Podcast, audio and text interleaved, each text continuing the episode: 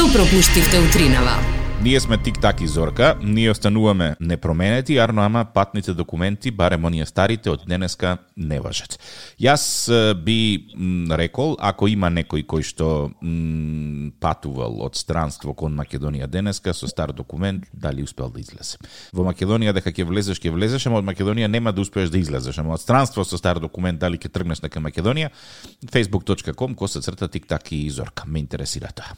Еве, не знам, ама нека ви е среќен пријатен патот на сите каде и да одите, па се надевам дека ќе добиеме повратна информација. А, многу работи потекнуваат од е, Македонија, Зорке. Добро? Многу Да. работи потекнуваат од Македонија. Е, За некои дури сме и е, несвесни дека потекнуваат од кај од кај нас. Добро? Пази ја сега следнава е, приказна. Е, се сеќавам на еден муабет од прабаба ми која што беше родена некаде кон крајот на минат, предминатиот век. Е, 1895 6 7 година и си била жива за време на Втората светска војна, кога тука се точкале еден куп окупатори, и бугари, и италијани, и германци, и домашни, и комбинација на сите. И вели дека у, у, у Скопско, тука во регионов, имало некој италијан, е, кој што го викале фраеро. Фраеро. Фраеро. Добро. да. Сега, зошто во Скопје би го викале фраеро, да душе добро, прабава ми влече корење од битола.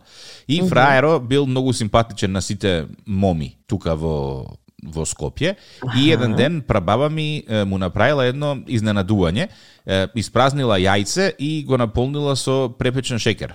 Вау, добро? Да, со карамел шекер всушност и го затворила и му го дала на на фраеро и фраеров као кога го отворил, кога го скршил, многу се изненадил, бил радосен, супер се тоа и сега јас се викам абе бабо, да не го утна ти името, да не беше фраеро, да не беше Фереро.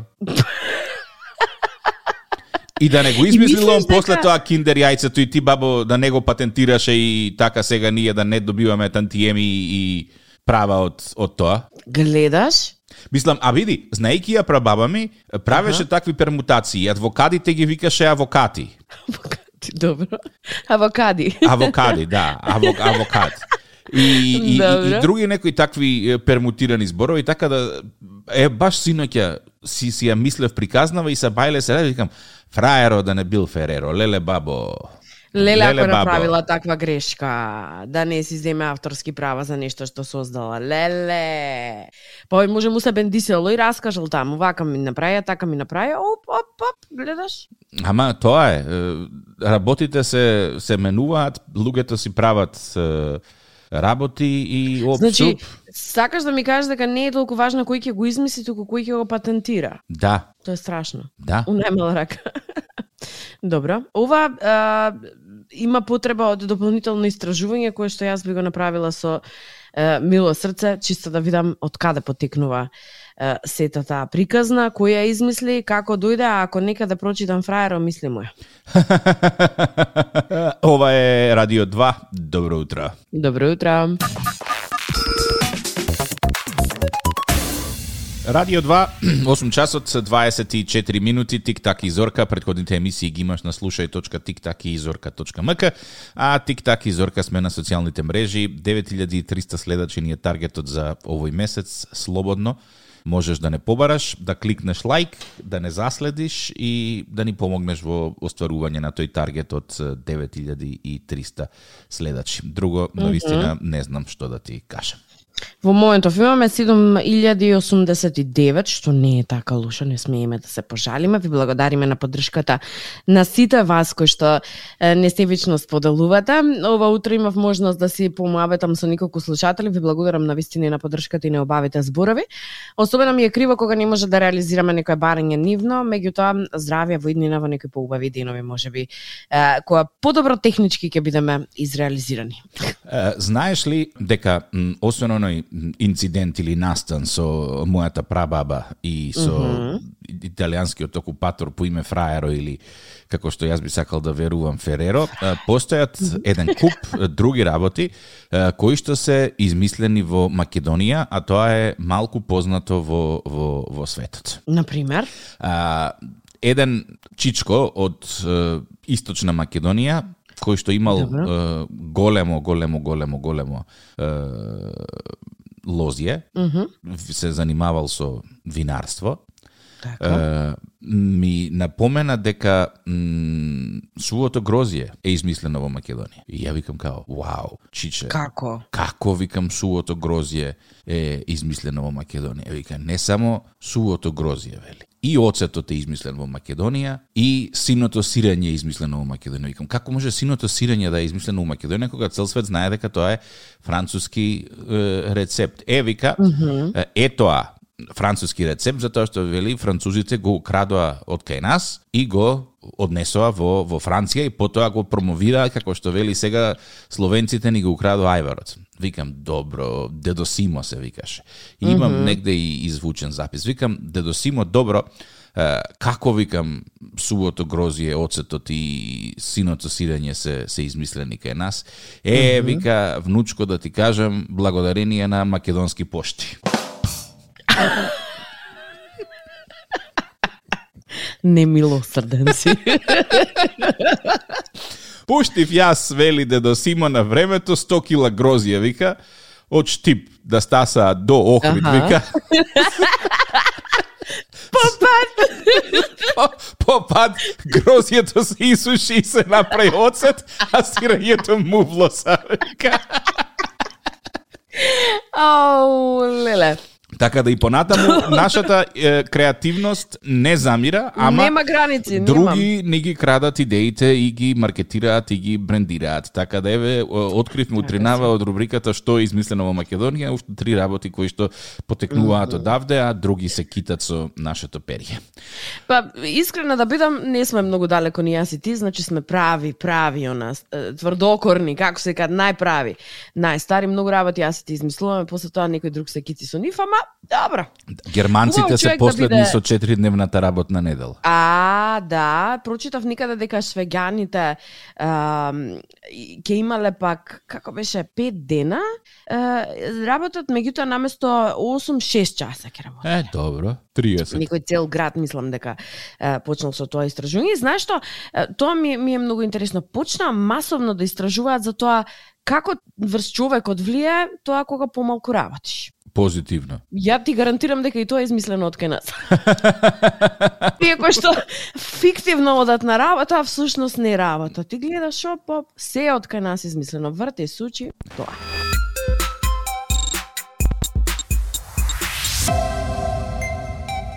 Времето денеска нестандардно топло за овој дел од годината.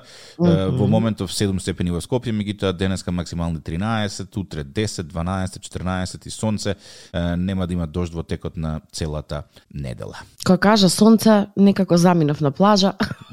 не те дослушав баш Не ме да, да, мене плажата ми, Ми- е тука, меѓутоа сонцето го нема, така да Ми не достига море и, и одмор и 10 дена нозе кои што се во песок и коса која што е солена. Ехе, ехе.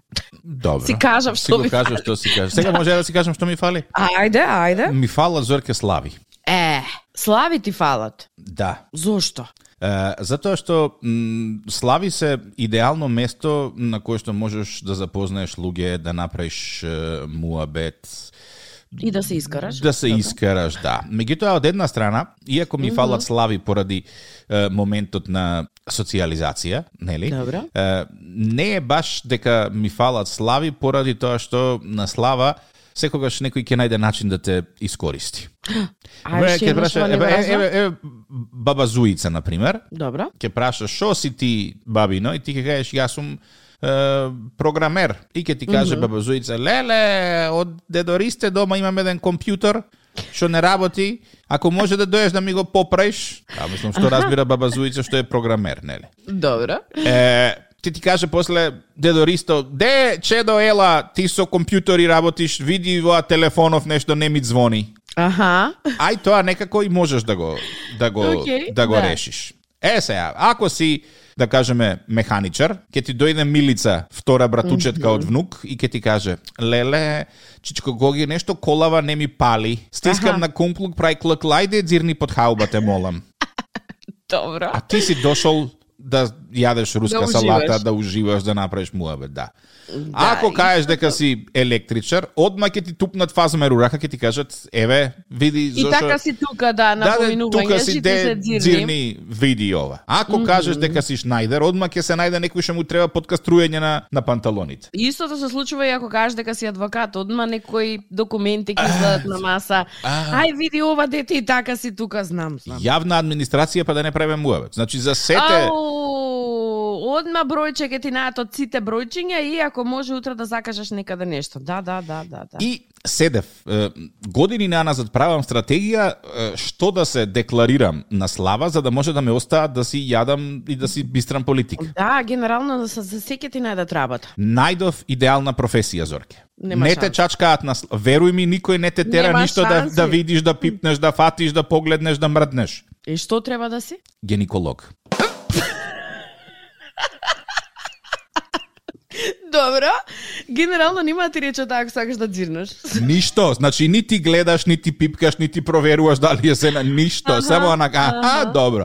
И ти само што си, јас сум гинеколог, дај од руската малце, леле ова политикава, леле ова изборите. Ти дечко таму, јас сум гинеколог, бабе. А, добро. Мир, Ау, Мир. Мислам дека го најде лекот. мир, подобро од тоа не може да излезе. Не верувам дека има подоброто. Добро утро. Добро утро.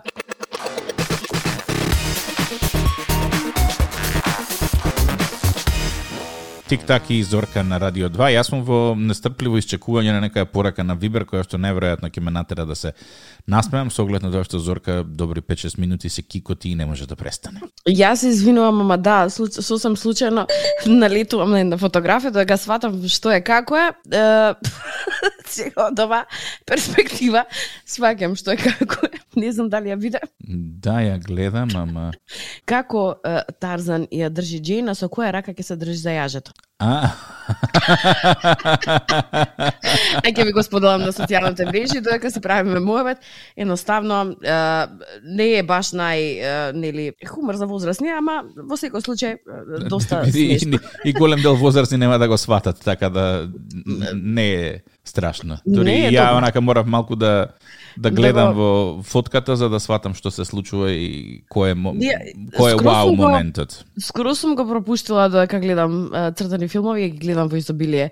Едноставно сакам и и сакам да им правам друштво на помаливе кога гледаат цртани, секогаш кога гледаат цртани, јас сум прва со нив. Ама овој момент го немам забележано, се додека сега стручно не ми беше објаснато онака разложено како на второ деленче, така што да. Ќе ве насмееме, погледнете социјални мрежи на стори ќе го ставиме така што да, да може да се изнасмеете. Добро утро. Да бидам искрена, многу ми фалат гатанките, иако мислам дека скори да не постои некоја гатанка која што не ја имавме во изминатите две сезони. Па токму од таа причина за да ги подзаборавиме, малку правиме пауза, ама многу сакам концептот на тоа кога ја те испрашувам, а ти се препотуваш. Уф, ме подсеќаш на една професорка по физика во, во средно. Да, мојата беше по, по хемија, ама верувам и дека на тој начин така како мораше да, да научиме, од проста причина што никој не сакаше да се препотува. така што те враќам назад во деновите кога предпоставувам дека си бил дете, а и како тебе, многу други сме гледале и така како многу македонски народни приказни. Е, па во македонските народни приказни, дел од зборовите кои што ги користеа е, луѓето кои што беа во главна улога, е, зборовите беа со турско потекло, со цел нели подобро да се долови нашиот фолклор и предплетеноста со турската традиција и јазик. Па многу често се користеа. Сега имам неколку кои што мислам дека нема да ги погодиш сите, ама е да видиме дали грешам или ти ќе сгрешиш. Ајде, цел сум уши. М, Дали си подготвен? Да. Кој е значењето на овој збор? Апсана. А, затвор. Браво. Значењето на овие два збора. Еким и илјач. А, лекар и лек. Еј, две од две. Кола и работа? Бркај работа. Мм, лесна работа. Блиско беше. Да. Кадија и заптија. Е, судија е кадија, а заптија е туженик. Стражар. Беше блиско. многу. А, ова не сум сигурна дека точно ќе го а, прочитам, не ме не, не ми земете за зло. Ашколсун. Браво, Зорке го прочита точно. Да. Ево прв пат го слушам, а може би ќе знаеш. Киамет. Е, среќа. Е, како не? Ова скроз го, го утна. Лошо време или не време? Ау, босанците викаат на киамету. Добро, во право си. Јас го сгрешив. Джамбас? Е, немирно дете. Не. И ова го сгреши. Како не? Трговец со коњи. Сериозно? Така пишува. Ау, баба ми викаше леле джамбаз ни еден. Ама зашто би ме викала Добро. баба ми трговец со коњи? Може би биле луѓе кои што биле итри, појма немам. И јас знам дека джамба седите кој што не е мирно во сегашни услови, ама гледаш според она што го гледам или е Нешто грешно е lost или in translation, ама некако Можно е. можда. А дали знаеш ова што е? Джеза. Ау. Знаев што беше джеза. Го имам слушано зборот, баба ми го користеше джезата, джезата, джезата, джезата. Не ми текнува. Глоба или казна. И она твоето омиленото? А насана. Не, близко беше, другото омилено. Кој е друго омилено? На таа буква почнува. А школсун? Не бре, копук. па како на таа буква почнува, а насана не на таа буква е? почнува. Рече кој е, мислев на таа буква на која што прашуваш. Добро, А. си сосем добро. Да, мислам дека е еден од твоите омилени зборови. Немирен копук, јаволест, лош. Па како гол, сиромав, бездомник, така, во, во таа смисла. Во, во, во секој случај, нели, во, во лоша конотација, која ќе окажеш за некого и аз знам дека ти е еден од омилените зборови од македонските народи. Мислам дека мислам дека сега со цел да се врати она изборното кај нас, следниве неколку години ќе имаме наплив на името Копук во македонскиот јазик. Како се вика сенти? Копук? Копук Леле, не. Не, не, не, не, не, не, не. Копук не, не. Ташевски. Не, мислам дека знаат дека има лоша конотација зборот, па нема да го користат како име на, на детенце, ама во секој случај знам дека еден од твоите омилени многу често знаеш да го пуштиш и да го слушаме, мислам дека ќе ти текне од прва, ама гледаш не. Добро, колку изгуби? Не многу. Джеза не знаеше што е и, и джамбас. Мислам дека кијамет исто. Па добро, па добро, па не си ги погодил сите. Да, се. Може би е време следниве неколку дена да седнеш да си ги испрегледаш уште еднаш македонските народни приказни, па да видиме што од нив ќе ти се врати. Добро утро. Добро утро.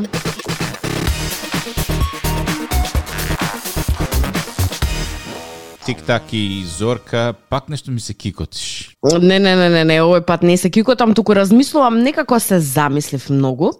Знаеш дека вака се изборуваме цел ден и една работа може да заклучиме. Нашите баби и дедовци биле е, вистинско богатство, во смисла на тоа, она што го правеле, она што го знаеле, она што го поседувале. Добра. Сето тоа земено, ако си има можност да го зачуваш некаде и сега да го имаш, да, да пробаш да го користиш, генерално е вистинско богатство. Зошто ти го кажувам ова? Излеза вест дека постојат многу тренди парчиња кои што нашите баби ги имали, ги обожавале, а сега повторно се враќаат во мода. Па сега истите тие работи кои што на времето, не знам, баба ми, баба ти ги купила или ги шиеле или ги набавувале по некои други цени, сега чинат цело богатство, заради тоа што модата повторно им се враќа. И би ве предупредила ако налетате на парчиња облека од вашите баби, да ги зачувате, нели нормално ако се во нослива состојба, во, во корислива состојба, заради тоа што кога тогаш ќе се врати момент кога повторно ќе се врати модата назад. Е сега ја не верував дека од баба ми ќе можам да носам облека, ама еве се враќаат на назад е, модните парчиња. Можеш ли да погодиш што е на што е во тренд сега, а на времето се носели како многу? Следно кога ќе одам во Крушево ќе проверам. Таму има еден бутик, само што стигна колекција есен, односно пролет 79-80. Таман, мислам дека таман од таму ќе може да се купува. И види, Една од работите, да? Мала дигресија, не се само алиштата, истото и со мебелот се случува, да знаеш. Ау да. Ама не сум сигурна дали повторно ќе бидат во мода некогаш оние е, шкафчиња кои што ги имавме каде телевизорот е внатре. Ќе бидат. Имаше едни добра? фотели од пред 60 години, само м, рачки на нив дански фотели ги вика. Еден куп такви Немаше ти сврлив. такви? И, имав такви. Е, е, имав Добро. шест, од тие шест две репарирав, четири фрлив. И ги памтиш кои се тие двете. Сега Да. се продаваат околу 350 евра парче. Ау, добар ден и на тебе. Сериозно? Да. А моите изгледаат ганц нови сега. Па јас ги имам користено и знам како изгледа и се не само што се многу удобни, него и многу се практични каде да ги ставиш одговараат во секој простор. Да. А се толку фраерски. Ете, штета што ги фали. едно од нештата кое што им се враќа мода дефинитивно се гумените чизми. Не се баш многу практични, не знам дали сте пробале Жолтите? Па не се овие жолти сега нормално, црни. Добро, да, предпоставувам дека да. се малку модернизирани. Да, крзнена капа со уши исто така се враќа во мода. Ама од вештачко крзно, немој случајно вистинско крзно не, не, ќе ве средат не, не, не, активистите за животински права. Мене малце ми е језа од вистинско крзно носам, што знам, да знам дека носам на глава Лисица? Нека покојно животинче, не ми се допаѓа идејата. Бе, не патам од фактот дека носам вештачко крзно јака работа. Плетени елици и блузи е, со широка макраме плетка. техника, да, или широка е, плетка, плетка кои што особено биле популарни во 1970-тите години. И јас гарантирам дека сега да видите некоја баба која што си има и личиње уште од тоа време, сигурно на низа ќе најдете таква илече со широка плетка. Баба ми, например, го носи постојано и вели дека многу го топли грбот. Мене ми беше смешно до пред некоја година, а сега гледам дека ги продаваат по цена од 200 до 400 евра. Значи, бабе, Ту... не си смешна, многу си модерна. Плетени чанти од коноп, не знам дали се сеќаваш како изгледа, мене другата баба пак ми плетеше ташни како од кона па ама од кеси. Е сега во овие услови баш и, и тоа не е исплатливо, ама добро. Во секој случај ако имате некоја таква чанта подзаборавена од вашата баба во е, одлична состојба, сега е време да извадите и да прошетате како по писта. Е, спуштени крагни, не знам дали се сеќаваш. Крагни што паѓаат преку рамениците како училишни униформи од 80-тите. Големи крагни. Е сега она што е интересно е дека тие повторно стануваат модерни, многу популарни помеѓу холивудските дами, наскоро нормално се очекува кај нас, и најјакиот момент кој што никогаш не верував дека ќе се врати во мода. Може да погодиш која? Кој? Звонарките? Не, звонарките беа се вратија во мода.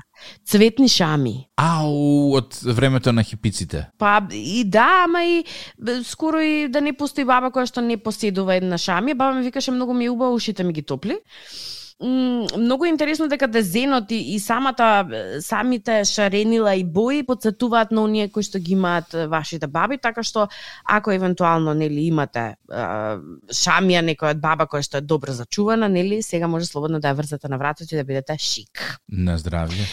Чувајте ги вие вашите парчиња, здравје Боже, некогаш во иднина нели ќе бидете баби, оние кои што не сте ги носеле можеби толку многу или се во добра возна состојба што би рекле некој, чувајте ги, па вашите внуки можеби баш ќе ги искористат за да се вратат, односно кога ќе им се врати модата назад. Така што да, кога е во прашање модата, не е некој изненадување дека се враќаат работите кои што некогаш биле популарни, нормално со мали модификации, меѓутоа се уште се тие тие. На Радио 2, секој работен ден од 7.30. Будење со Тик-так и Зорка. Во случај на неконтролирано смеење и симптоми на позитивно расположение, консултирайте се со вашиот лекар или фармацевт.